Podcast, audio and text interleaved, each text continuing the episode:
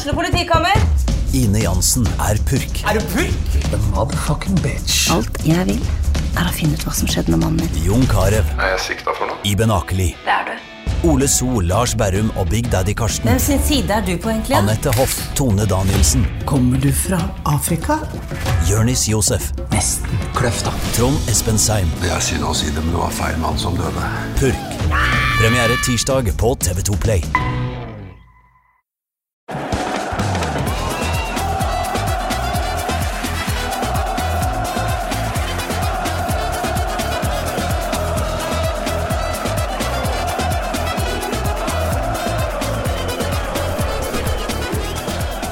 Til måneden som ikke halvårets høydepunkt. En ny Europaliga-episode Hva i helvete, Trym? Sitter du der og drikker Red Bull Ja. Blitt, i eh, Pyro Pivo? Ja, det er Europaliga-episoden, og da er jeg blitt uh, Salzburg-fan. Det er jo Det har jo blitt Europaliga-drikken, i hvert fall Det- skal det vi tro uh, kvartparten av både kvartfinalelaga og semifinalelaga. Og så er det ikke mange episodene uh, her, siden du snakka så varmt om Red Bull generelt, at eh, ja, jeg kaster meg på. Er dette rett og slett i ferd med å skli ut? Har jeg mista grepet? Eh, Jeg mener jo til en viss grad at du antakeligvis har det. Uh, ja.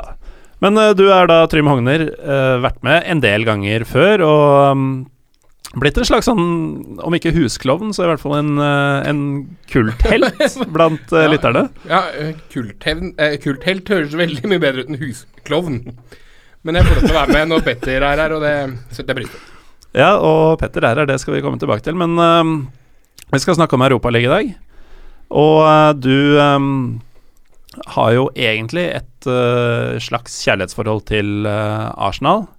Hevda tidligere, vel både da vi skulle se på gruppespillet og da vi skulle se etter gruppespillet, at Arsenal var sjanseløse i Europaligaen denne sesongen. Eh, har du endra syn på det? Nei, jeg står for den, eh, står for den påstanden fremdeles. Jeg gjør det. Det er eh, Semifinalelaget Arsenal er sjanseløse i turneringa? Ja. Ja, jeg, er faktisk enig med deg. Det er det verste. ja, altså, ja, det er, ja, nå er de der. Jeg, jeg har registrert det og sett alle kampene deres, men eh, nei, de er sjanseløse. Um, en av uh, kampene Arsenal har spilt, var jo mot uh, Eller to av kampene, for så vidt, var mot Østersund. Og det bringer oss over på vår andre Europaliga Husklovn?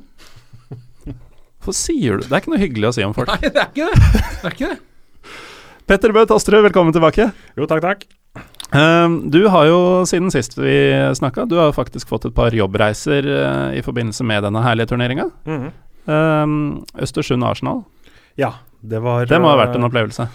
Det var kaldt, i hvert fall. eh, Men det var en, litt av en opplevelse. Spesielt bare å, å, å reise til Østersund for Europaligaen. Det var litt spesielt å sette seg på flyet der. Jeg hadde jo med meg eh, Eller hvem som hadde med hvem, det vet jeg ikke, men Rekdal og jeg var på tur. Eh, og det var spesielt bare å gå av, eh, eller forlate flyplassen der. Første flyplassen i verden Kjetil Rekdal har vært på uten at det har stått en taxi utafor. Mm. Østersund er den mest øde byen jeg har vært i. Det var ikke et menneske ute i gatene. Men de har eh, internasjonal flyplass? Eh, ja, det er jo bare, bare å sette bokstaven International Airport, så er det jo international. Ja, men dere fløy fra Norge og dit? Nei, vi fløy, fløy via Stockholm. Oh, ja. Eh, Så så vi fløy også langt forbi, eh, Mm. og så tilbake igjen, sånn sett. da. Så hadde vi ikke rukket fly imellom der, så hadde vi vært i Saksa. Men øh, hvis du og Kjetil Rekdal Mm. øh, ble forfjamsa over hvor øde og trist, kanskje, det var der Ja. Tenk hvordan Arsenal må ha opplevd det. Ja, eh, de må vel ha syntes det har vært spesielt, men de har nok vært forberedt på det. Og de, de så jo bare stadion. Vi så i hvert fall den lokale pizzasjappa i tillegg. Uh, den, altså Jentkraft Arena, da, som stadion heter, den, den er liksom ute på en litt sånn forblåst slette. Eh, ganske sånn åpen arena, hvor liksom vinden bare blåste knallhardt igjennom.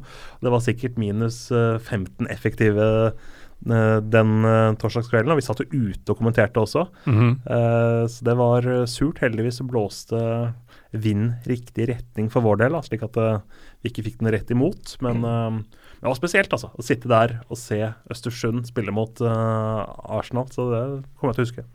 Har begge to sett Rocky 4 når han slåss mot uh, russiske Dolph Lundgren? Ja, Ivan Drago. Ja. Uh, husker dere denne scenen hvor han uh, har bestemt seg for å trene til kampen i villmarka i Mm. Russland? Hvor de har landa, kommer ut av flyet og bare ser ingenting annet enn snø og klipper rundt seg. Det ser jeg for meg er litt sånn Arsenal følte, bortsett fra at landskapet kanskje, landskapet kanskje var litt flatere. Ja da, men uh, nå var det ikke sikkert at de ble henta til lokale busselskapet på flyplassen og sånne ting. De kommer med puter under armene, hele gjengen. Uh, og var der vel kortest uh, mulig Arsenal-gjeng. De gadd jo ikke engang å trene på stadionen da de ankom. For Det er jo ofte slik at du, kan, du, du har jo rett til én trening på matcharenaen, ifølge Uefa, men det ville ikke De de, de, de ville ikke Arsenal. De ville bruke minst mulig tid der og komme seg vekk, og det klarte de også da med et godt resultat. Men det er sånn man tenker på tilbake til, eh, for trøndere i hvert fall, det glade 90-tall. Uh, at det kunne blitt skjebnesvangert for Arsenal. Fordi hvis uh, Real Madrid tapte jo på Lerkendal eh, for en 20 års tid siden. Mm. Uh, tipper at de trente på stadion der, men det, det høres ut som en klassisk type undervurdering, da. Som eh, i en tid da fotballen var litt jevnere, litt mindre pengedopa i de store ligaene, kanskje. Ja, Eh, at det kunne gått gærent. Og det var vel det mange tenkte også før eh, kampen, men så begynte man, begynte man også å tenke på, i hvert fall vi nordmenn, da. Hva skjedde da Valencia kom inn til eh, Telenor Arena og spilte på kunstgress mot et svakt norsk lag? Altså sånn som de, de tenkte, da. De feide dem av, eh, av gulvet, og det gjorde jo også Uh, Arsenal mot Østersund ganske enkelt der, og Østersund ga jo bort en del uh, billige mål sånn sett, så de, de gjorde det vanskelig for seg selv. Ja, uh, og det så jo kjørt ut. Eh, ikke veldig overraskende etter hjemmekampen. Ja, og jeg mente jo at de var litt eh, naive, Østersund, i sin uh, tilnærming til den hjemmekampen der. Jeg hadde et intervju med Graham Potter, treneren til Østersund, etter kampen, som ikke kom på lufta. Uh, hvor han ikke var enig om at uh, jeg mente at de, de var naive. For da fikk jeg morderblikket, for å si det sånn. Er det derfor det ikke kom på lufta? Nei, det var vel heller mer, uh, mer det at det var mer interessant kanskje for det norske folk da å se et intervju med Wenger, Ja. i og med at Arsenal vant eh, 3-0 og et, et eller annet med tiden og sånn. Så, eh, så det hadde nok ikke noe med det å gjøre. Men eh, det, det, det er jo bare sånne pusekattintervjuer eh, med Uefa-TV, Mm. klubb-TV. Så står eh, presserepresentantene ved siden av, og det er jo veldig veldig mange på disse Uefa-kampene som står og ser på og kontrollerer alt. Det er jo en ekstrem overvåkning. Da. Det er ikke ett ord i et intervju som ikke blir omtrent kontrollert. da. Mm. Uh, og jeg åpnet jo intervjuet med han uh, Potter og sa For han hadde sagt uh, Han hadde sagt at å spille mot Arsenal, det var som julaften. Eh, for uh, for Østersund-spillerne. Så, så da sa jeg til han eh, You have said that playing Arsenal is like Christmas. But you didn't get any presents from your players today. Åpna jeg med. Og da var liksom tonen satt. Da, da, uh, så, da ble det litt uggen stemning uh, sånn sett uh, mellom oss. Men eh, de fikk jo en veldig fin opplevelse på bortebanen, da. Så sånn sett så ble det jo en fantastisk reise for Østersund. Jeg syns jo det var en jovial måte å starte på. Ja da, men jeg, jeg økte tempoet på neste. Men uh, Trym, eh, jeg fikk noen meldinger fra deg da Østersund hadde reist til London. Og Ja. du ba meg om å sette på matchen med en gang, for nå skulle jeg få se en slakt jeg aldri har fått sett maken til. Da sto det vel 2-0 til Østersund, tror jeg. Du uh, forventa 0-6 eller uh, lignende? Ja, ikke 0-6, men jeg forventa at de burde, burde slått Arsenal ut uh, relativt greit, selv med 0-3 fra Østersund Nei, nei jeg, jeg gjorde jo ikke det. Men, eh, men, eh, men det er klart at eh, jeg, som kanskje de aller fleste andre som er glad i Arsenal, har jo fått en eh, med åra en, en veldig sånn galgenhumor rundt Arsenal. Da. Det, det, det er man litt nødt til med en klubb som underpresterer så mye over så mange år. Um, en rake motsetning kanskje til å dra på Jevntkraft Arena i Østersund, Petter. Det var den andre reisen du har gjort i forbindelse med Europaligaen denne våren. Mhm. Det var på Wanda Metropolitano, den nye arenaen til Atletico Madrid. Det, det, er, den, er den større enn eh, Hjemkraft? Ja, noe. Det spørs øyet som ser, men den var eh, relativt stor. Det er vel der Champions League-finalen skal være neste år, om jeg ikke husker helt eh, feil. Og den, den ligger jo også veldig sånn spesielt til, da. Altså sånn litt 12-13 km utafor sentrum i Madrid, på et sånn, helt sånn øde område ved motorveien. Det var langt. Uh, ja. Og, eh, arenaen er ferdig, men den er på en måte ikke ferdig likevel. Det ligger liksom noen pappesker og litt uh, sagflis uh, litt rundt omkring, og du, du, lukter at den er sånn helt ny, og det er et malingsstrøk her og der som ikke er helt uh, på plass uh, enda, men det er akkurat som Boris Pajadze Dynamo Arena i Tbilisi. ja, men den har sikkert vært sånn i mange, mange ja, år. Uh, men, men, alt i alt en veldig fin stadion, og det var jo kampen vi kommenterte da, var jo uh, uh, Atletico Madrid uh, eh, FCK. Det var jo et litt uh, tøft utgangspunkt for FCK fra den første kampen, så 1-4 i parken? Så, så, så, så, selve kampen da ble jo ikke så interessant. Atletico Madrid vant vel 1-0, om jeg ikke husker helt helt feil, men gøy å ha vært der uh, også. Så var det selvfølgelig litt sånn teknisk plundre, uh, altså litt teknisk småfeil hos spanjolene. Og nå kom noen ISDN-operatører og ja, gjorde det ene og det andre som ikke hadde peiling på, ingen kunne engelsk. Så det var litt mm. før kampstart der. Jeg var jo en tur uh, i Spania i pressemedfør uh, sjøl tidligere i år, og opplevde også at å få tak i engelsktalende er ikke bare bare, altså. Nei, det, det var utfordrende. ble, det, ble det siste kampen til uh, FC København i Europa på kanskje i hvert fall på en god stund. Ja, for det, de ligger vel sånn an nå i, i hjemlig mm. Dette sluttspillopplegget i Danmark, som ser ut som at de kanskje ikke når noe Europa eh, til sommeren. Ja, Verken, i hvert fall ikke Champions League, selvfølgelig, men antageligvis ikke Europaligaen heller. Og dette slutts, sluttspillopplegget i Danmark er jo så innvikla og komplisert at de må vel, eh, når kampen er ferdigspilt, så må de vel eh, ringe noen i Belgia for å spørre hvordan det gikk. Konsulenter eh, som NFF har brukt òg. Uh, ja, det, det, kan vi jo nesten ta tak i. For et fall FCK har hatt. Mm. Um, har noen av dere noen formening om hva som har skjedd? Ja, de har jo solgt uh, alle de beste spillerne. Altså, jeg så jo veldig mye FCK i gruppespillet, og da satt jeg her i dette studioet her og snakket om Benjamin Verbic. Ja. Mm. Han måtte jo selges i uh, vintervinduet. Så forsvant han, liksom. Han var en, en, av de få som virkelig var uh, å stole på da, i Europa League og til dels i ligaen. De har jo, Det er ikke vits å nevne alle de har solgt, men de har jo solgt for over, godt over 100 millioner. Og så har de henta inn en del folk som ikke har fungert på samme måte. Og de har rett og slett bomma litt på overgangsmarkedet. Og det, der har de vært gode før, men, men, nå har de havnet på etterskudd. I de åra de har vært veldig gode, så har de ofte hatt en veldig klar skandinavisk grunnstamme med spillere fra noe fra Norge, men en del fra Sverige og, og sånne ting. Nå er det veldig mye Altså Det er Kypros og det er Hellas, og de henter fra en del andre markeder. da, og Det tar kanskje litt lengre tid for å få det til å fungere skikkelig. I tillegg så eh, FC Midtjylland gjør jo alltid ting riktig i Danmark, eh, og har gjort det i mange år. Og så har Brønnby faktisk begynt å gjøre det igjen. Og det er jo For alle som er glad i supporterkultur, så er i hvert fall det mm. Det er moro. da blir gøy å se Brønnby igjen i, i en eller annen europaturnering. Eh, jeg holdt på å si neste, neste, år, men i år, men neste sesong. Og, og, så har det nok også sikkert vært litt med timing, da, med tanke mm. på at tidligere så har de hatt uh, danske svenske profiler som har vendt hjem, som har vært en mm. suksess i fire-fem år, eller kanskje to-tre år. Og nå, nå, har kanskje ikke de uh, spillerne vært tilgjengelige på samme måten, eller de uh, profilene har ikke, har ikke, vært der, da. Mm. og da har man på en måte enda et potensielt hull å dekke, i og med at de som de vanligvis har fått én til to av de annethvert år. Ja. Uh, nå føles det jo som en annen verden da vi først satt her og skulle gå gjennom gruppespillet. Uh, det var jo ikke måte på hvor mye vi hadde å si om Fastav Zlin og mm. Sheriff, uh, Trym, ikke minst.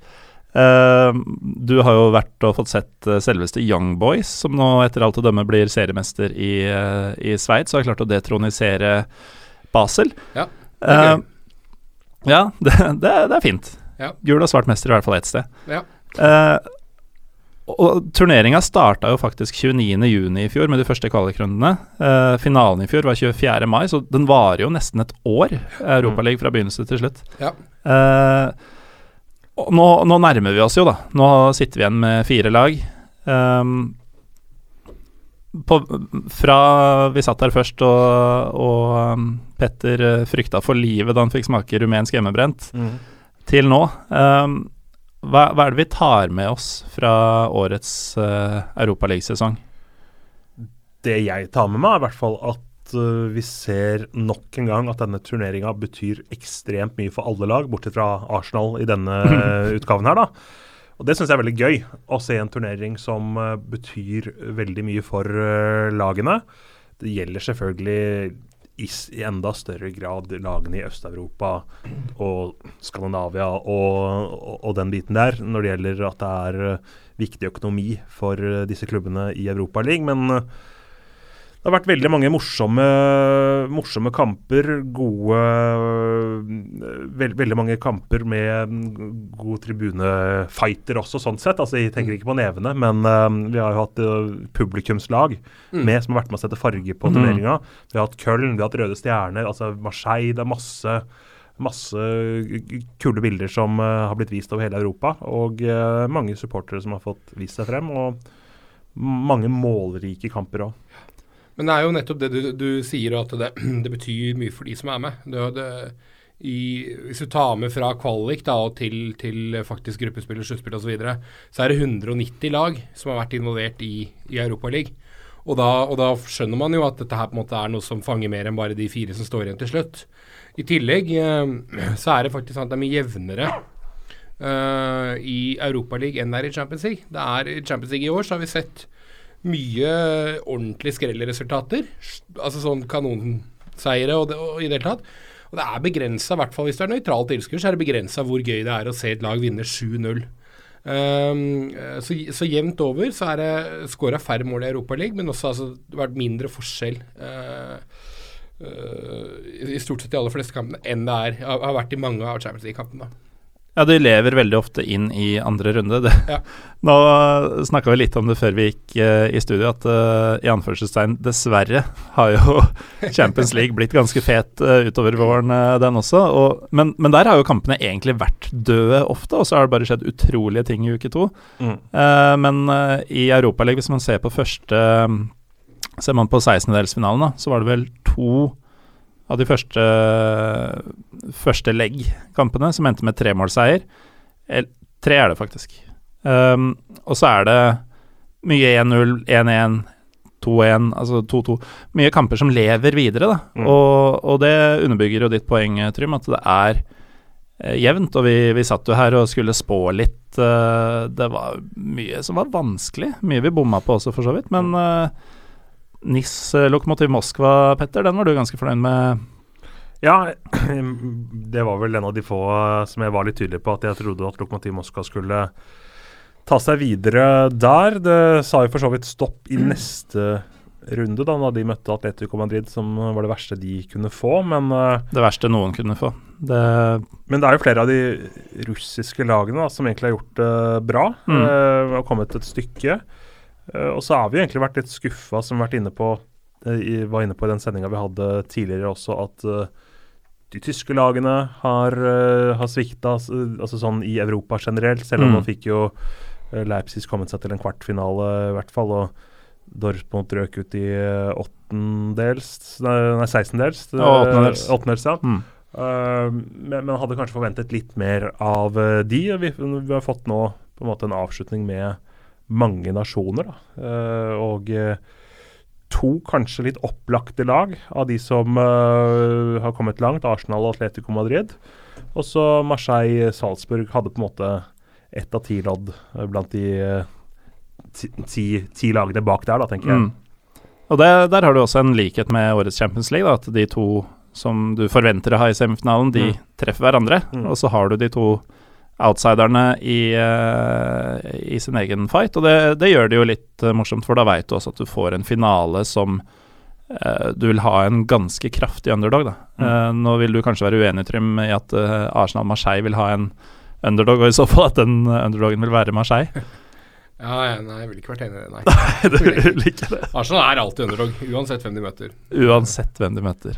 Også med 3-0-ledelse fra bortekampen mot Østersund. Ja. Så skal det holde hardt. Nei da, men uh, nei, altså, Hva skal man si om det? det, er, eh, vi, vi kommer vel mer inn på Arsenal Atletico etterpå, og for så vidt den andre Marseille, uh, Salzburg òg, men uh, eh, Arsenal imponerer jo tidvis, de gjør jo det. Ja, Det er jo men vanvittig imponerende det de har gjort denne sesongen. her. De har spilt med C-laget sitt, stort sett, bortsett fra de siste kampene. Ja, og uten spiss, egentlig, Nei. sist i hvert fall. Det er jo ingen som har vunnet flere kamper i Europaligaen enn Arsenal denne sesongen her, og de kan jo sette ny målrekord i turneringa også. Så eh, det er bare å ta av seg hatten for det Arsenal har fått til eh, nå, så får vi se om det holder helt inn, da. Selv om det du sier er fakta, Mm. så, så har jeg nesten vanskelig for å svelge det. For det, Arsenal er ikke et lag som, eh, som vinner kamper og setter målrekorder. Nei, altså De har ikke tatt den enda, men de, de mangler åtte mål. Så slår de Portos eh, rekord fra 2010-2011. Eh, og det er jo mulig, det, på tre kamper, selv om jeg personlig tror det blir to kamper. Og lite mål på Arsenal i de to kampene. Men Ja. uh, uh, jeg, syns likevel at eh, folk er kanskje litt vel kritiske til Arsenal, og spesielt hvis det lugger litt i én omgang i Europaligaen, så er det fram med både spydet og det er, ikke det, er, ikke måte på hva som skal rettes mot både spillere og ikke minst trener. Det er jo utrolig kult for de spillerne til Arsenal denne sesongen her som har uh, fått kjenne på den erfaringen, spille borte mot Østersund. altså sånn, det, det betyr jo litt for uh, Alex Iwobi, da, selv om han etter hvert har blitt en uh, forholdsvis etablert spiller etter hvert, han også. Men det å spille disse europacupkampene, det vil jo, det vil jo gjøre klubben og laget bedre på sikt. Absolutt. Og så imponerer man jo selvfølgelig veldig mot, mot Milan. Uh, den matchen der sånn er jo um, ja. Det var nesten av godt gammelt merke. Ja, det var det. Og det var jo, og Milan hadde jo imponert i Europaligaen, og, og det var jo på en måte kamper man gleda seg veldig til. Ja, og de var jo like desperate som Arsenal nesten etter, eh, etter å gå langt her og vinne. Fordi det er jo to klubber som, eh, for å si det pent, ikke ligger an til Champions League-plasser eh, via hjemlig liga. Mm. Eh, jeg, i likhet med deg, Trym, holdt jo Milan som favoritt der, og ble veldig imponert over det som skjedde.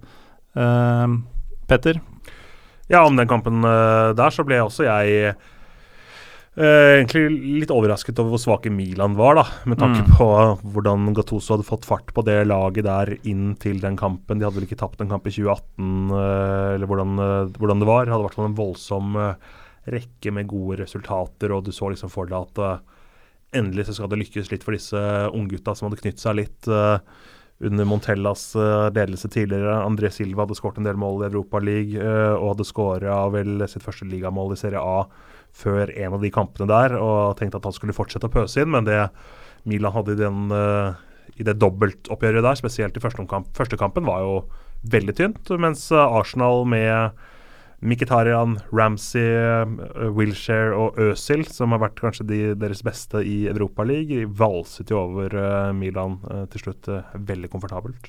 Mkhitaryan kan jo faktisk, hvis, eh, hvis alt klaffer, vinne Europaligaen to år på, lag, eh, på rad med to forskjellige engelske klubber. Mm. Det må jo være en slags uh, rekord. Det er ikke så mange armenere som har gjort det. Nei, I hvert fall. armensk rekord i hvert fall. Kategorien armenske spillere som har vunnet Europacup to år på rad med to forskjellige Ja. engelske klubber.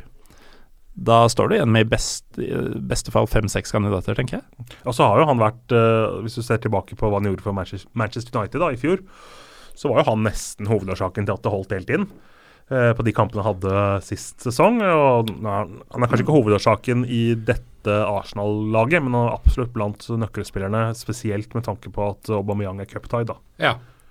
Um, og ja, Arsenal hadde jo en periode der eh, hvor man i praksis ikke hadde eh, spiss, sp- spissalternativer i det hele tatt. Ja. Fordi siden Borussia havna i, i Europaligaen, så ble det da slik at han ikke kunne spille. Og så hadde man uh, Welbeck som så ofte før skada, selv om han er tilbake nå. Og Lacassette har vært skada en periode. Så at det fungerte offensivt uh, i de matchene i, uh, eller mot, mot Milan, det var um, Ja, det var imponerende. Var det.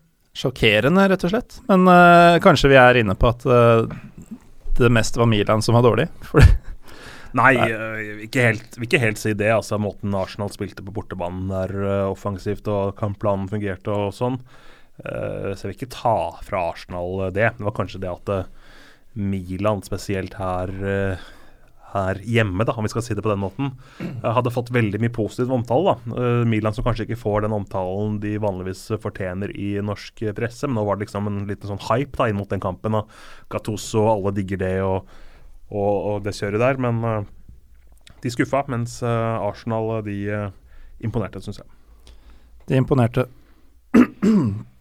Helt klart. Eh, vi, vi har snakka litt om dine reiser i uh, Europaligaen, Petter. Mm. Trym, vi har snakka om det tidligere, men Du var jo i, i Serbia eh, og så Partisan gå videre Mm. da de slo det som nå blir seriemester etter alt å dømme i Sveits, eh, Young Boys. Eller Young Boys, som de vel heter på serbisk. Uh, og det som var litt sprøtt i år, var at du hadde to serbiske lag i turneringa. Begge gikk videre fra gruppespillet. Uh, hva vil du si om Partisans videre skjebne, altså da sluttspillet tok til?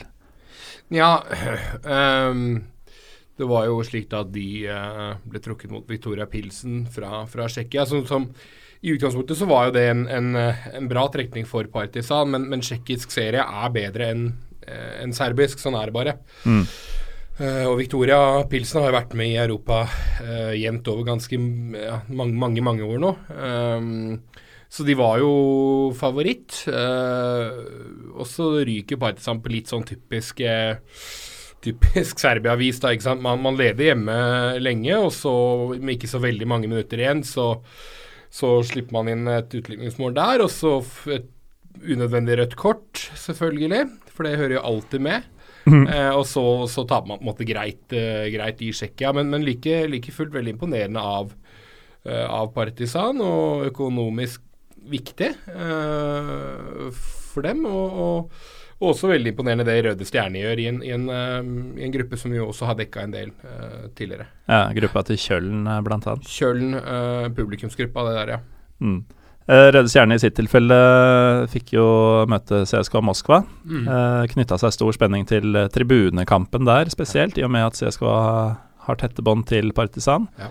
Eh, ble det så ille som eh, man eh, frykta? tror det gikk ganske bra. og nå eh, Russland har gjort en uh, formidabel innsats med å få litt orden på ting, med tanke på at de skal ha VM om ikke veldig lenge. Um, så det har ikke vært de store skandalene i Russland, um, det som er i det siste. Det som er av skandaler i Serbia nå, er stort sett internt uh, Partisan. Der, der går det veldig gærent, for der er det tre, tre klekker på kanten nå som alle kjemper mot hverandre.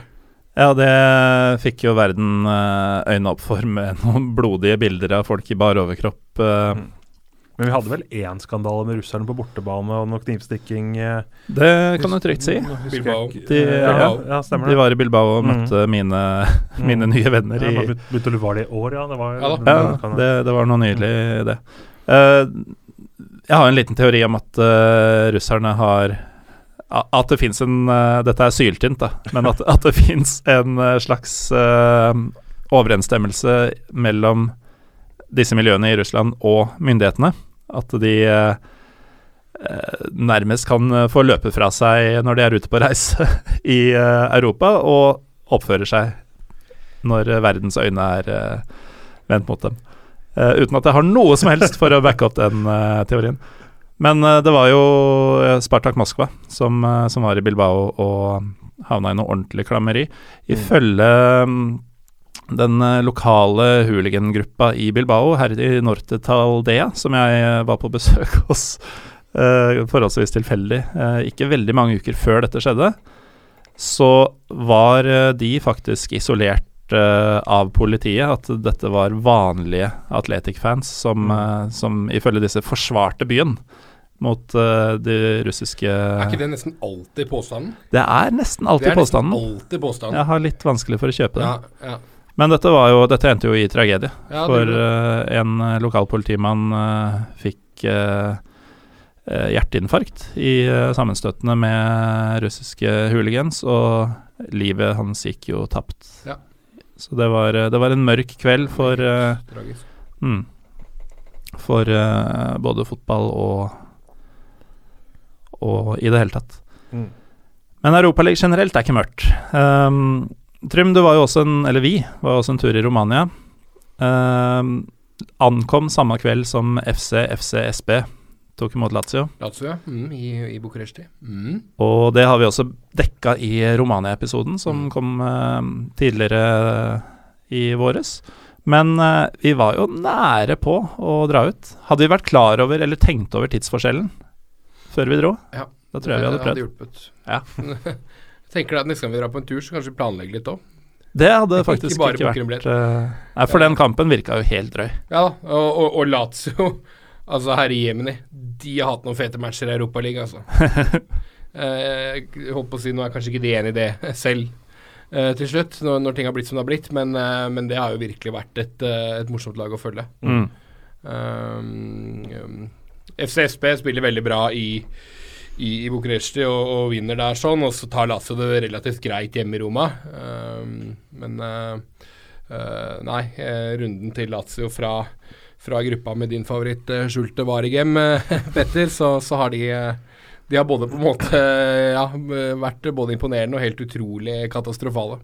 Har jo toppskårer nå, da, i, i, i Mobile. Ja, Han har fremdeles åtte mål, han og Doritz, men eh, de kan jo bli tatt igjen eh, med tanke på at de er uh, ute. Ja, men det er et stykke opp, Ja, altså. Jo da, men Valon Berisha har fem, Ja. så dette kan gå. Ja. Skal vi se uh, Ja, Valon Berisha har fem. Det er, det er noen flere på fem også, mener jeg, som, som fortsatt er med. Men Valon Berisha skal jo da skåre tre-fire mål i løpet av to kamper mot eh, Marseille og en eventuell finale. Ja, det kan, eh, kan gå det mot eh, Marseille, som ikke har sluppet inn Nei, som ikke har holdt nullen på siste 13 kampene. Uh, Salzburg er involvert i ekstremt mange målrike kamper, så at han skårer to mål i den ene semien og ett mål i den andre, det ser jeg som, på som realistisk. han, han tar jo straffene. Altså, han Det er er, jo det er stort sett det han uh, skårer på. Han er jo veldig delaktig, blitt, blitt veldig veldig viktig etter laget til Marco Rosso, som er da den nye, nye vinen, sånn sett, på trenerhjemmer. Han, han er ikke Fredrik Olderup Jensen, jeg skal gi deg den, men eh, at han skal bli toppskårer i Europaligaen, det, det går jeg rett og slett ikke med på. Men heller han enn han andre norske. Fredrik uh, Gulbrandsen. Mm. Han uh, har jo jeg som Lillestrøm-supporter et anstrengt forhold til. Mm. Men jeg må innrømme at jeg liker hans evinnelige evne til å like drittslenginga mi på Twitter. Han følger meg ikke. Jeg vet ikke om han googler seg selv eller hva det er. Men fra tid til annen så uttrykker jeg misnøye rundt Fredrik Gulbrandsen. Og opptil flere ganger har jeg opplevd å få en like fra nettopp Fredrik Gulbrandsen på de innlegga. Okay. Hm. Sporty type. Det er jo det. Jeg, jeg håper han lykkes, jeg, så, så det er sagt. Ja. Det, ja. Jeg håpa jo litt at uh, disse RB-lagene skulle møtes, fordi uh, da ville jo han runde RB-stadionene. I hvert fall de tre som han uh, snakker om i øh, Jeg vet ikke om det er noe trofé for det, for det, men det er vel heller Marseille som burde få det, da. Nå Det hadde vært et trofé for meg, for da kunne jeg paradert rundt om at jeg har rett om denne fyren. Ja, men tenk på Marseille, da, som nok en gang møter et uh, RB-lag. og det, det er, Hva er det de sier, da? Du, skal ikke få for mye Red Bull i løpet av en måned. eh, Nå får du dobbel dose. De møtte i gruppespillet også. Dette er jo ikke, dette er jo ikke, sånn, dette er ikke sunt for uh, Marseille-gjengen. Nei, det er ikke det. Uh, ja, vi kan jo egentlig gå litt fram til hva vi kan forvente av semifinalene. Sånn elegant uh, nok, eh, Petter. Uh, Marseille kan jo bli helter i håper å si de konservative supporteres øyne ved å være laget som eliminerer alt som har med Red Bull å gjøre. Ja. Tror du de gjør det? Jeg syns den kampen er veldig vanskelig å spå, egentlig. Eh, for det er to lag som uh, holdt på å si eh, pøser på i angrep. Ikke, eh, som ikke er så opptatt av hva som skjer bakover i, i banen. Og det har jo ført til at eh, eh, man, har liksom aldri vært klar over når når kampen er kjørt, når kampen er lukka, når Salzburg har spilt. da Sånn som i kampen mot uh, Hvem var det hadde sist? Det var Lazio. Eh, Så skårte de altså tre mål på 247 sekunder. Det er rekord i Mot Lazio. Mot Lazio. Italienske Lazio, leda av Simone Inzaghi. Ja, og da og Når sånne ting skjer, da Da er det veldig vanskelig å peke på at det og det laget er favoritt. eh, når eh, Marseille er elendig på å forsvare seg eh, på, på dødball imot. Mandanda har vært ute med skade, vet ikke når han kommer tilbake. Det kan fort eh, Mm. ta en, eh, ta en, en stund.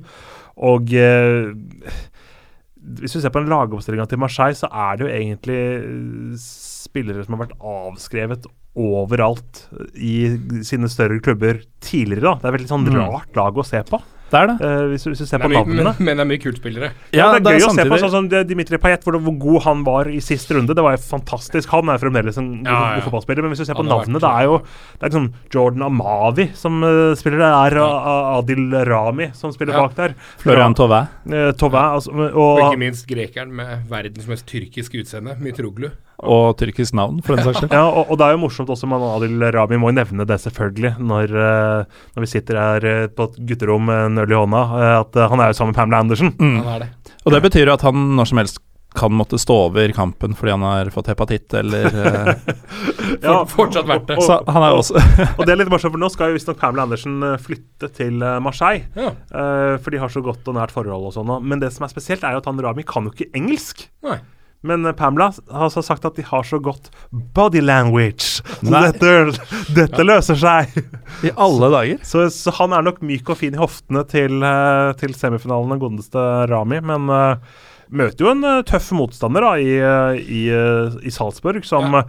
Eh, er på en måte klubben som har strevd og strevd og strevd med å, med å nå disse høydene de er i ferd med å nå nå Mm. eh, på Kanskje ikke den cupen de først så for seg da de startet prosjektet i 2005, men det vil jo være en, eh, en merkedag i uh, Red Bulls historie om de skulle få et trofé til slutt. da, Et ordentlig et som de kan Vanvittig imponerende rekke over laget de har slått ut òg, da. Ja, Ja, ja, ja, Det er helt vanvittig. Og, og bare spole litt tilbake. og De, de, de to har, altså de møtes jo nå i, i semien, og de var jo i gruppe sammen. Mm. Uh, og, og Og Salzburg tok da fire poeng mot Marseille. Ja, Salzburg har tapt én kamp av sine siste kamper siden 11. juli i Europaligaen. Ja, så de tar fire poeng over de to kampene mot Marseille da, og, og vinner vel også den gruppa med fire poeng ned til Marseille. Uh, så jeg vil jo på en måte si at de er eh, til en viss grad favoritt. og som du nevner, Morten, eh, de lagene de har slått ut, eh, Sociedad, Borussia Dortmund og, og den magiske, eh, de magiske kampene mot Lazio.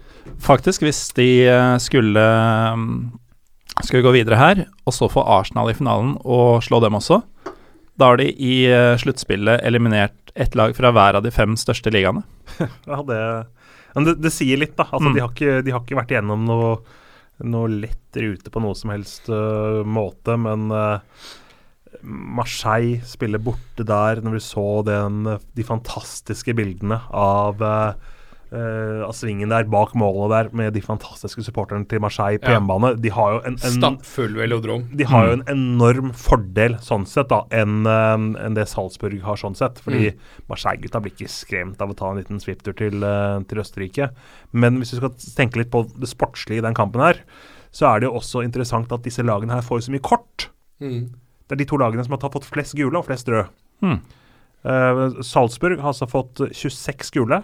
Marseille får fått tre rø- røde. Det høres ikke så mye ut med, med tre røde på tolv eh, på tolv kamper, da. Men det er Men- Men eh, det, i den kampen her så lukter det hodemist eh, fra noen gamle stoppere hos Marseille som er litt ute med noen småskader her og der, og noen Salzburg-gutter som får det til å koke foran uh, hjemmefansen i, i Marseille der. Så er jo Marseille en klubb som er uh, Nå nærmer jo de seg, ved å være i en semifinale i Europa, nærmer de seg det Mm. nivået som de tidligere har vært, og som de kanskje fortsatt tenker at de skal være.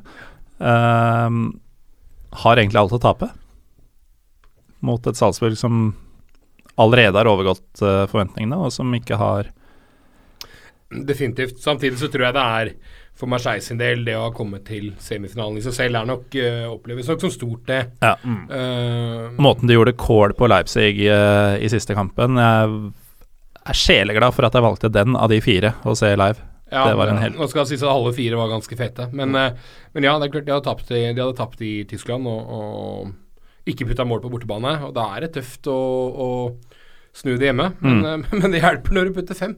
Det gjør det. Og det gjorde Og noen ordentlige kremmerhus Ja, ja, ja. Altså skårte til og med Sakai. Ja, ja, visst. Det syns jeg var morsomt. Ja, ja, japanske Ja, ja. Det, det, Hvis dere så de bildene da de, Han var glad. da, da de viste bilder fra inni garderoben etter kampen, da den kom på TV-en en gang til, og gutta skulle liksom Ja. stå, stå og juble sammen. 'Sakai, Sakai, du skåra jo, det, det er sant', liksom. Og de bare Det var uh... Men det er også litt kult, da.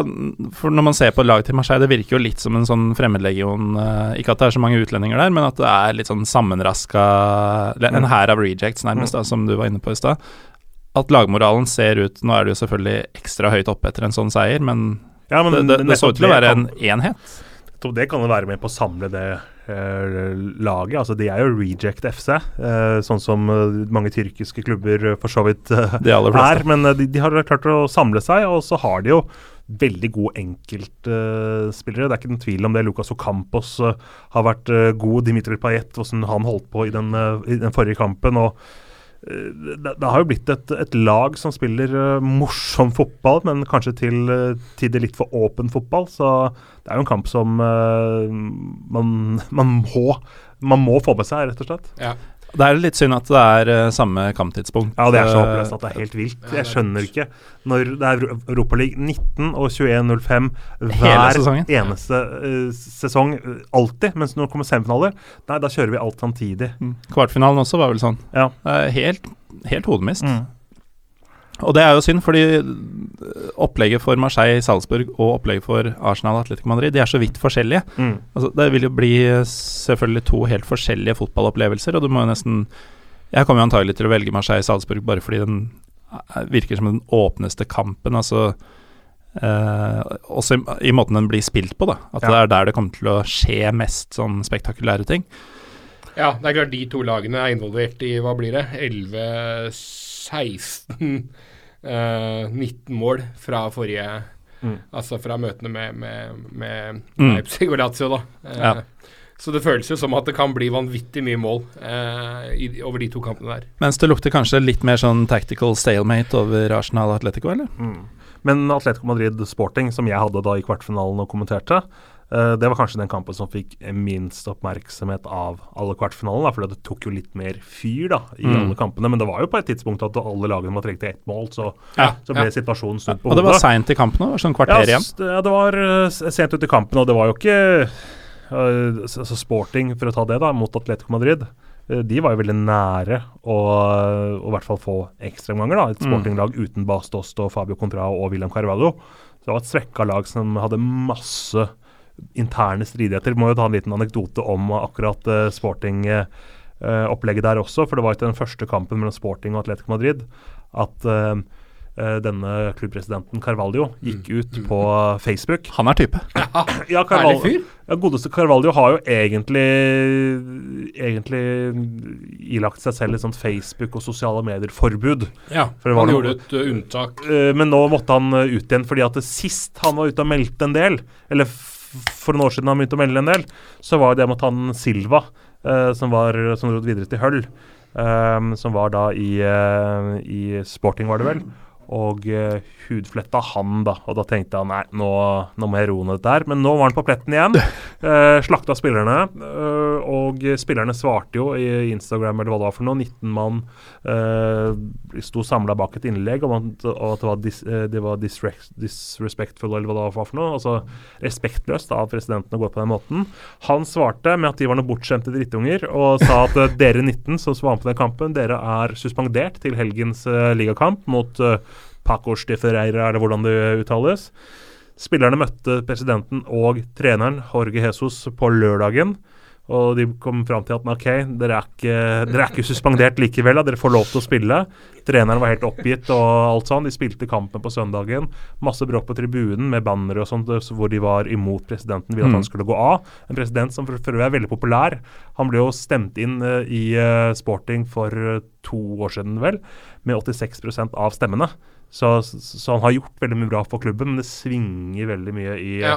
i sporting der. Og etter kampen, da, det, det, som de vant 2-3-0, så var det pressekonferanse først med sporting-treneren. Og etter det så var det pressekonferanse med presidenten. Og da tenkte alle folk nå skal han, nå skal han trekke seg. Men nei da, da bare fyrte han løs mot spillerne nok en gang. så så den, det bråket fortsatte jo inn mot um, returkampen. da, og Det gikk jo veldig hardt utover Bas Dost og Contrao som fikk disse, disse um, karantenene. Så Sporting gjorde faktisk en kjempegod uh, jobb altså, mot Atletico uh, Madrid. Så det var en, en mer interessant kamp enn det kanskje ser ut på, basert på bare resultatet. Men, men, men det, var, det, og det var det som gjorde den enorme kritikken fra han så utrolig hodeløs òg. Fordi at det å tape 2-0 mot Atletico Madrid i en match hvor egentlig har spilt ganske bra, på bortebane, det er ikke Ja, ja. noe skandale for et lag fra som ikke er fra Eller det er ikke en skandale for noen! Nei, men det er lettere kanskje å få Nei, faktisk ikke for noen. Nei, det er ingen det er en skandale for! Det er lettere å få den oppmerksomheten uh, når de gjør det i en europaligakamp, da, enn Ja. når de gjør det mot uh, Pacos de Ferreira, eller Ja.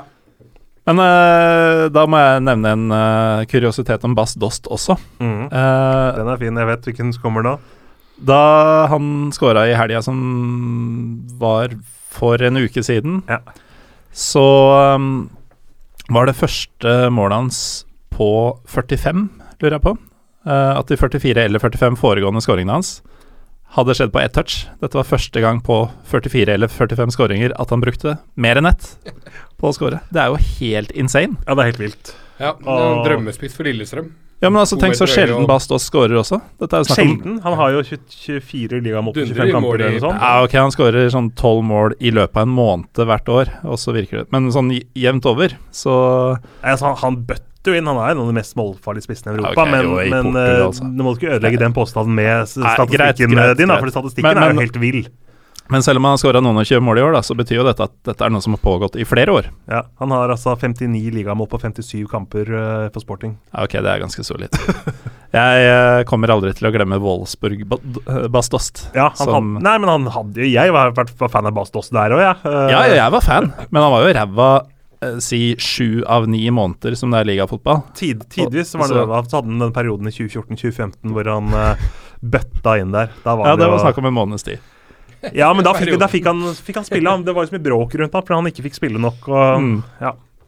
Er Bas Dost. Vi får ta en egen episode om Bas Dost og rappkarrieren hans. En egen episode om Bastost.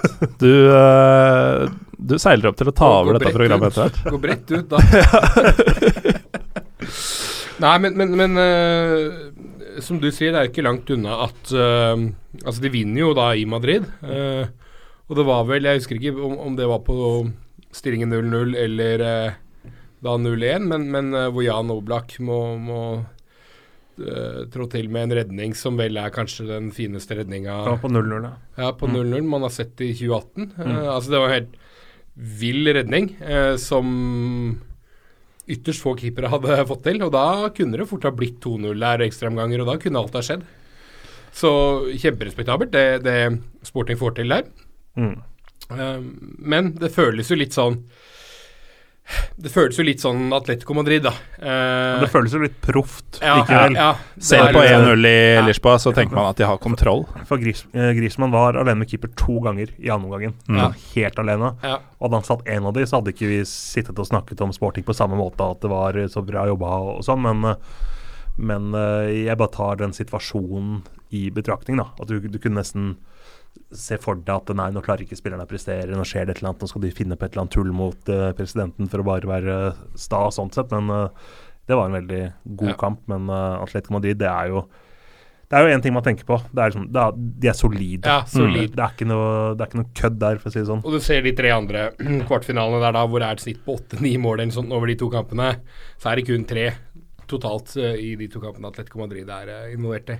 Ja. Eh, Og ett imot. Uh, Arsenal skal ikke slippe inn mange i løpet av de to kampene før de er ute. Nei, altså, jeg tenker at det må komme en utvisning jeg, på Diego Godin eller et eller annet sånt noe, som kan åpne en kamp uh, veldig mye mer uh, enn uh, enn det vi ser for oss. For at det kommer til å bli en uh, lukket 4-4-2-kamp ganger to uh, for, uh, med Atletico Madrid som kontrer med Griezmann og noen gode kantspillere som Mm. kan bidra med sitt. Så Men det er veldig enkelt. I, ingen ville ha Atletico Madrid. Det, det var på en måte marerittet for både Marseille, Salzburg og Arsenal å, trekke eh, Atletico Madrid. Uh, å slå Atletico Madrid i en eventuell finale, da er det bare én match, men å gjøre det over to uh, Igjen, de er, de er så solide. Uh, og når Arsenal da i tillegg må spille i London først, og så dra til Madrid det, det blir innmari tøft. Nå kan det vel kanskje tenkes at Diego Costa som har hatt en forferdelig tendens til å både skåre mål mot Arsenal og banke opp Arsenal-spillere og få Arsenal-spillere utvist og det ene andre. Eh, kan tenkes at han ikke rekker i hvert fall den ene matchen, for han sliter vel med en hamstring eller et eller annet. Det er nok en fordel for Arsenal. Eh, like fullt så er det liksom sånn Det er på en måte eh, Det er Welbeck mot Grismann, Griezmann, på en måte, da. Og det sier vel egentlig det, det, det sier vel mye om utgangspunktet. Det gjør det. Apropos uh, denne redninga til Jan Oblak. Slovenia er jo en ganske beskjeden, uh, et beskjedent landslag og en beskjeden fotballnasjon. Men tenk at uh, de har et landslag hvor Samir Handanovic ikke får spille. mm. Ganske solid keeper. Ja, Slovenia er um, per innbygger faktisk verdens beste idrettsland. Ja, men ikke beste fotballand. Det, Nei, men det blir vel fort så er det imponerende der òg. Ja, ja. Eller har vært det, i hvert fall. ja, best spilleren gjennom tidene eh, er jo fra Slovenia. Ja, Slatko Savic. Mm. Helt enig. De fleste er det. Beste gjennom tidene, faktisk. Ja. Ja. Sett-sett. Tidenes beste. Tidenes beste sett-sett, ja. Mm. Nei, den, den setter jeg ikke. Ikke at den er beste sett-setten heller. Sett-sett, uh, siden din Zidane er Mm. vel hakket hvassere til, min, Nei, til mitt syn. Er det for kommersielt? Nå må jeg be deg om å gå. Nei da, men, men eh, ja. Nei, det um, Slovenia er en imponerende nasjon. Um, de ble vel verdensmester i basketball og driver med alt mulig rart. Um, men Jan Oblak uh, holder dem inne i den matchen der. Uh, og det er jo også på en måte Du, du, du veit jo aldri hva du får med Arsenal sine keepere. Eh, nå er det jo egentlig vært sånn at Ospina har stått i Europaligaen, og så har han blitt skada, og da har Sjekk stått. Ehm, i de kampene Ospina har stått. Han gjør jo en del rare ting, men Sjekk har faktisk hatt flere store tabber.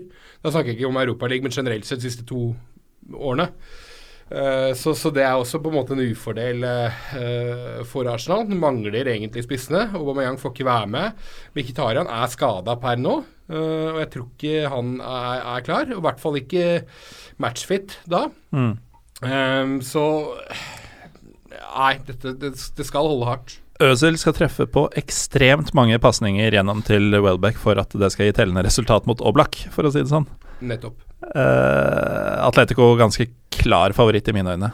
Hva tenker dere?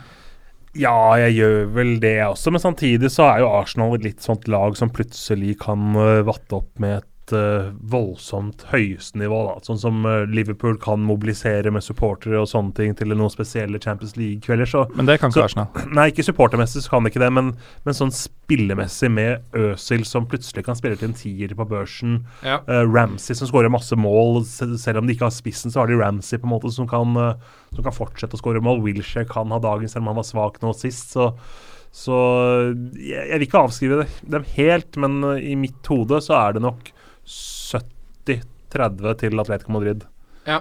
Og så, og vi prata jo om Arsenal-Milan, de kampene der. Eh, Arsenal første matchen mot CSKA er ganske imponerende. Eh, Mm. vinner vinner 4-1, og det CSKA-laget er eh, Det er et bra, bra mannskap.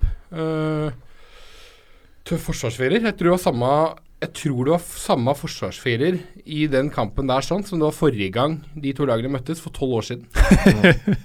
I hvert fall så var det tre av fire, men jeg lurer på om det var fire Ja, av fire i forsvarsrekka. Beresutski Twins. Ja. 36-35 begge to? Noe sånt noe. Så. Ignacevic. Mm. ja. Um, men Arsenal putter jo seks mål over to kamper mot, uh, mot et relativt solid CSKA. Um, så, så det har svingt litt uh, av Arsenal i Europaligaen siste. Så Mm. jeg ville sagt at hadde, hadde kampen først gått i Madrid, og Arsenal kunne kommet, kommet derfra med et halvrespektabelt resultat, kanskje tap, men kanskje et mål, Uh, fått med seg et mål, så, så kunne man komme til Emirates, og så vet du aldri hva som skjer Mm. foran eh, 25 000 tilskuere på Emirates. Det gjør det ikke. Men, men nå er det jo ikke sånn, da. Arsenal skal spille hjemme foran eh, 18 000-19 000 tilskuere på Emirates først. Det blir bare Og- mindre og mindre. Ja. Og vi veit jo at Atletico kommer til å låse av dette når de ikke Altså når de har hjemmekampen i bakhånd. ja. Men, men eh, 70-30, det er kanskje riktig, det. Og Mm. hva gjør Atletico dersom Dersom Arsenal virkelig får det til å fungere, da? Du nevner om Godin eller et eller annet som skulle fått et rødt kort tidlig, hva det måtte være. Ja. Eh, et eller annet som gjør at Arsenal får et veldig heftig resultat hjemme. Mm. Eh, og Godin ikke får spille i kamp to. Diego Godin. Diego Godin. ja. Ja. Han er ikke fransk, nei. Nei. Er han fra, er han fra Uruguay, han? Ja. Oh, ja, okay. Det var, det var så gøy å se Petter første gang Godin kom ut av munnen. Fordi etter hele denne sesongen, alle gangene Kjøllen blir nevnt og sånn, du må etter hvert tro at han gjør det med vilje. Nei, jeg, jeg vet ikke hva jeg skal si. Eh, Husklovnen, var ikke det du ble omtalt som? Jeg prøver bare å plante noen ting som du en Ja. gang tar med deg live på lufta. Ja, men eh, Diego, Så kan jeg sitte og le litt i stua mi og si at den der, den planta jeg. Diego Godin er i hvert fall en av de som har vunnet turneringa. uh, Ja. Under Diego Simone i Atletico Madrid før. Så har jo også en gjeng vunnet med Sevilla tre ganger. Det jeg ser at uh, Morten ikke klarer å holde seg, men eh, de, ha, de vet jo hva dette går ut på, eh, gutta til Simione. De gjør det, og det må skje et eller annet spesielt i London for at det egentlig skal være noe match i Madrid. For uh, blir det slik på Emirates at uh, at eh, eh, at man drar derfra med en 0-0 eller et eller annet, så, så har de dette her lukket hjemme i Madrid. Jeg skjønner ikke helt hvorfor jeg syns dette var så morsomt. Men eh, vi konkluderer jo da med at eh, Atletico trolig går til finalen. Og Trym, hvem er det de møter der? Uh, jeg sa det jo litt på spøk innledningsvis, at, at, eh, at jeg har blitt litt sånn Salzburg-fan. Uh, så er jo Marseille litt det laget egentlig alle skulle ønske de holdt med òg, da. Så det er, det, er, det er litt vanskelig. Er det jeg- deilige kaoset som Ja, alltid råder. Det er noe, det, det er noe veldig man, man, man må bli litt glad i Marseille. Det er jo Red Bulls fundamentale motpart sånn sett. Der de har alt in ordnung, eh, businessplan for neste 20 år og sånn, og så Marseille hvor de bare kaster mynt Ja. hver gang de skal ta en avgjørelse. Så er det noe veldig ekte. Det er, eh, det er fete tifor, og det er bra, bra liv. Uh, så på, på, på en eller annen måte så håper jeg vel på Marseille. Men som vi sa i stad, eh, da de møttes i gruppespillet, så, så tar Red Bull fire poeng på de to kampene. Eh, jeg ser vel egentlig ikke noe grunn til at ikke de skal klare å eh, nok en gang være gode nok til å da slå ut Marseille. Så jeg tror at finalen blir Salzburg mot, mot Atletico Madrid. Og jeg tror, og jeg håper, at du tar feil. Eh, Ja, det gjør jeg jo! den, de eh, to lagene jeg sier nå. Jeg håper jo ikke at noen av de Jeg håper jo at det blir Arsenal mot Marseille, med Arsenal-seier. Ja, men vi er jo ganske enige om at det blir Atletico mot Marseille eller Salzburg. Jeg eh, mener at eh, Marseille har hatt en så positiv sesong. Eh, de har vært nede i bølgedal i mange år nå. Nå blir det medalje, mest sannsynlig, i, i Ligue 1. Eh, det blir da sannsynligvis også Champions League-plass på dem. Og de kan uh, komme til finalen i en europeisk turnering, vel for første gang, tror jeg, siden de løfta den første Champions League uh, etter at Basile Boli uh, senka Marseille, nei, Milan i 1993. Um, Petter, Mm. du får bli tiebreak. Du skal jo kommentere denne matchen på torsdag. du. Ja, jeg gleder meg veldig til det. Og eh, hvis jeg skal tippe hvem som eh, går videre syns jeg det er veldig vanskelig å, å spå. Jeg tror som sagt at det er en kamp som kommer til å ta fullstendig fyr. Jeg tror det kommer til å bli uh, masse mål. Jeg tror det kommer til å bli utvisninger. eh, I hvert fall én i løpet av de to uh, oppgjørene. Men hvem som liksom går seirende ut av det, det, det sliter jeg liksom med å, å si at det er en, det er en klar favoritt. Personlig så er jeg ikke sånn kjempefan da, av Red Bull-konseptet og alt sånn, uten at det skal bli for Ole Herman Borgan her, han dommeren som holdt oppe Barcelona-skjerfet før han skulle dømme en kamp. uh, men uh, det er gøy, selvfølgelig, med to nordmenn. Jeg, jeg regner Vallon Berisha fremdeles som en, uh, som en nordmann. eh, og Gulbrandsen har vi selvfølgelig også. Men og så har vi dette her med Marseille, som vi var inne på. De avskrevne, som har blitt en samlet, kul gjeng å se på supporterne. Så det er fine ingredienser, men jeg vet ikke hvilken bit jeg vil spise først, liksom, på den ferdige retten, og hva jeg, hva jeg velger. Og uansett hvem av de to det måtte bli, så er det jo Det er jo en overraskelse. Det er jo ingen Ja. som hadde sagt de to lagene. Og det er gøy at uh, av de fire lagene som er i semien, så er det kun uh, Atletico som kom inn fra Champions League. Mm. Så det er, det er liksom tre europaligalag. Europaligaen tilhører Europaligalagene, bortsett fra at det er Atletico som vinner hele dritten, selvfølgelig. Men det har vi jo sagt siden i vinter. Um, men uansett så blir det en overraskelse, uh, eller uh, Det er imponerende da at, uh, at et av de to skal til finalen. Mm. Jeg får nesten litt samme følelse av Marseille sin framferd nå som jeg hadde av Ajax på samme tid i fjor. At du har et lag som hører hjemme på dette stadiet i en europeisk turnering. Mm. Og etter mange år borte så er de omsider tilbake. Og selv om mitt engelske lag er jo eh, tradisjonelt eh, Manchester United, men det, en liten del av meg ville nesten at Ajax skulle ta det i fjor. Altså. Ja. Og en stor del av meg vil at eh, Marseille skal ta det i år. Finalen, da, den eh, går jo faktisk eh, på forholdsvis nye Park OL i Lyon. Er det noe spesielt med det valget? Det er jo tre timer nord for Marseille, i hvert fall. Mm. Så for deres selv del er det jo litt spesielt, men de har jo dette rivaleriet med Lyon, da. Så det er jo liksom ikke Et relativt hett et. Det er jo ikke hjemmebane sånn sett, selv om det er hjemmebane. Så det er, det, blir en sånn rar følelse, det, selv om eh, Uefa pleier å dekke til egentlig alt som finnes av logoer, og skal gjøre det sånn, så gjør byen så nøytralt som overhodet mulig, og så kunstig som overhodet mulig, på alle mulige måter. Men uh, finalearenavalget er jo kult, for så vidt. Eh, altså, fotball i Frankrike er jo det er greit å komme seg dit, greit å dra vekk, dit, det- vekk derfra. Så, så det er et helt ålreit valg, det, altså. Ja, og så mener de vel at eh, dersom Marseille går til finalen, så kommer 100 000 eh, supportere fra Marseille som reiser til Lyon. eh, og under en tredjedel av de, eller ca. en tredjedel av de vil få billett. Ja. Så kan det bli bra kok hvis Marseille er i finalen i Lyon. Det Ja, blir man- man kan- Kjølen i London Ja, eh, all til, over. skulle til å si det. London, Man, man kan ja. jo spørre Arsenal-vaktene hvordan de løste det da Köln kom på besøk. Ja, men det, er jo, det vil jo være en enorm motivasjon også for Marseille, da, å vite at de kan løfte et trofé, europeisk trofé, som Lyon vel ikke har vært i nærheten av, eh, på Lyons nye eh, lekestue. Og de vil være det første laget som gjør det. Kanskje eneste, hvis det ikke blir noen flere finaler der. Det vil jo alltid være noe de kan eh, gni inn i eh, neste Choc des Olympiques. Ja, så er det jo Hvis det er et fransk lag man skulle ønske at eh, eh, faktisk vinner noe i Europa i år, så er man jo glad for at det er Marseille som står igjen. Men Mm. Da tenker jeg jo igjen på, på den andre turneringa, da. Men, men hvis Marseille skulle komme seg til finalen, da, så er det jo typiske at de taper igjen. De har jo tapt de siste to uh, europacupfinalene de har vært i. Mm. Og da er det jo typisk at Lyon-fansen kan smelle den meldinga tilbake.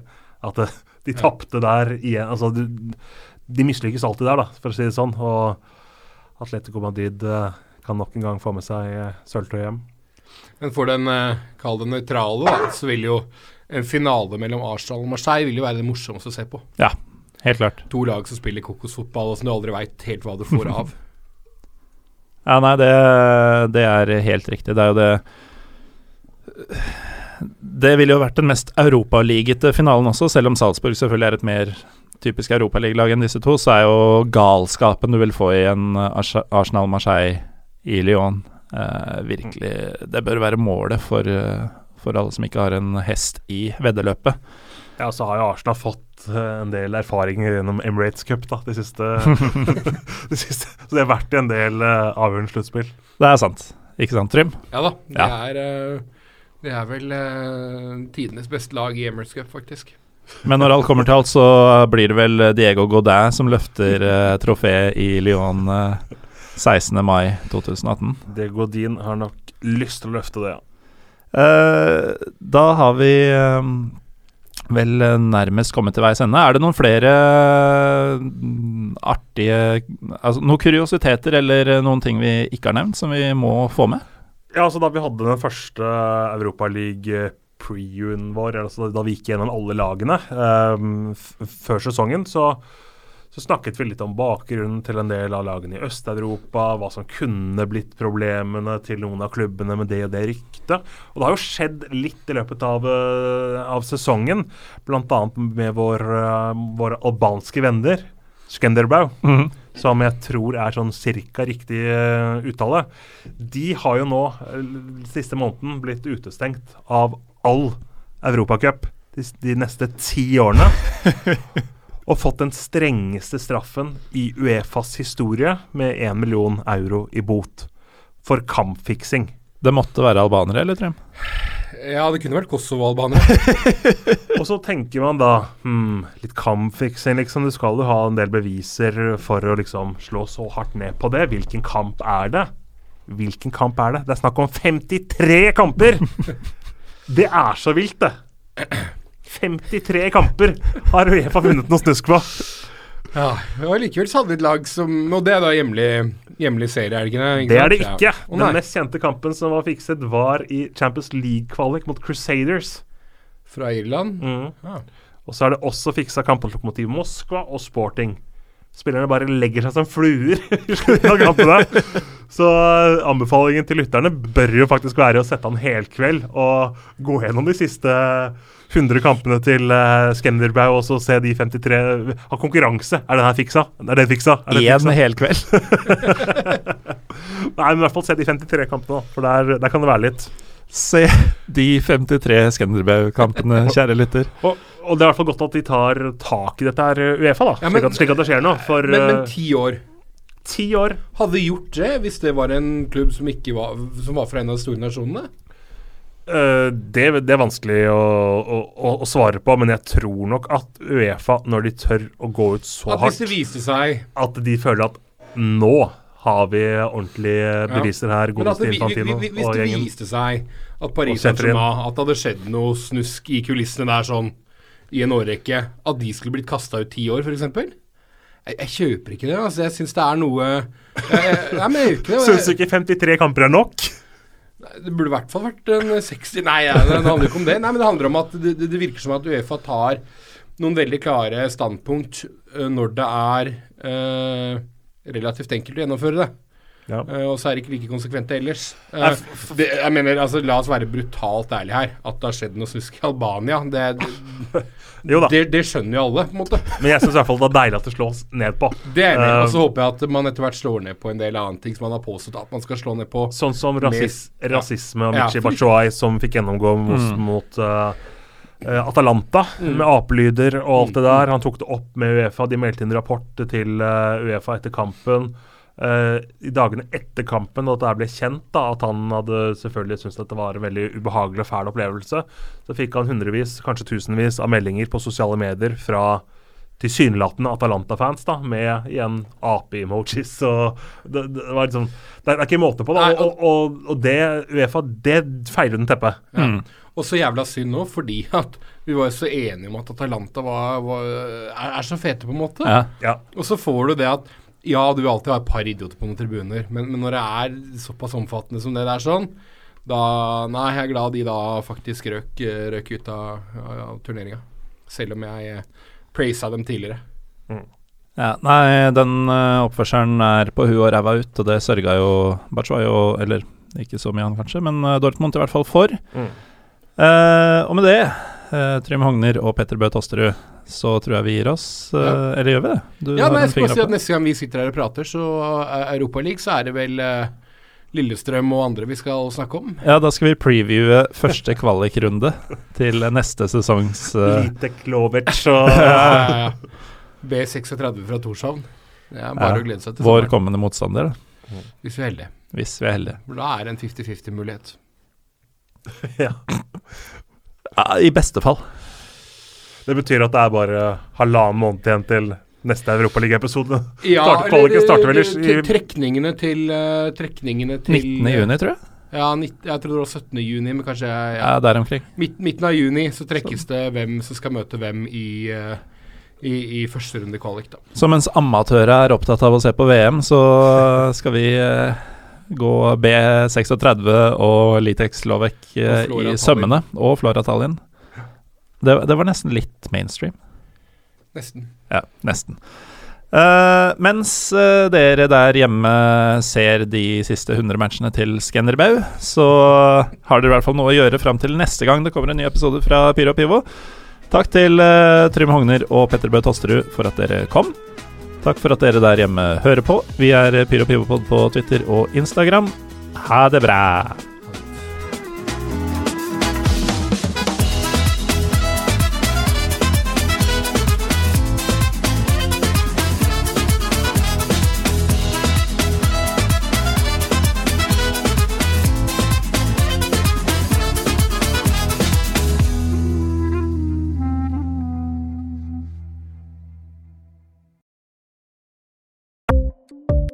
Ukens annonsør er HelloFresh. HelloFresh er verdens ledende matkasseleverandør og kan være redningen i en travel hverdag. Mange av oss har nok vandret i butikken både sultne og uten en plan for middagen, som ender med at vi går for de samme kjedelige rettene gang på gang. Middag burde være dagens høydepunkt. Som HelloFresh kan du nå velge mellom 25 ulike retter hver eneste uke, eller få HelloFresh til å sette sammen menyen for deg. Dette gir deg muligheten til å prøve nye og spennende retter alene eller sammen med familien. Du velger antall porsjoner og får alt levert på døren på et tidspunkt som passer for deg. Oppskriftene er enkle, og maten er lett å lage både for store og for små. Ved å få alt levert hjem får du også mer tid til å dele matgleden med familie og venner. kanskje det frister med asiatiske tacos eller greskinspirert kylling, da kan jeg anbefale deg om å gå inn på hellofresh.no. Her kan du bruke koden FOTBALL og få opptil 1779 kroner i rabatt på de første fem matkastene hvis du ikke har prøvd Hello Fresh tidligere. Du kan også bruke rabatten hvis du har vært kunde og stoppet abonnementet ditt for tolv måneder siden eller lengre. Gå inn på hellofresh.no og bruk koden FOTBALL. Har du et enkeltpersonforetak eller en liten bedrift? Da er du sikkert lei av å høre meg snakke om hvor enkelt det er med kvitteringer og bilag i fiken, så vi eh, gir oss her, vi. Fordi vi liker enkelt. Fiken superenkelt regnskap.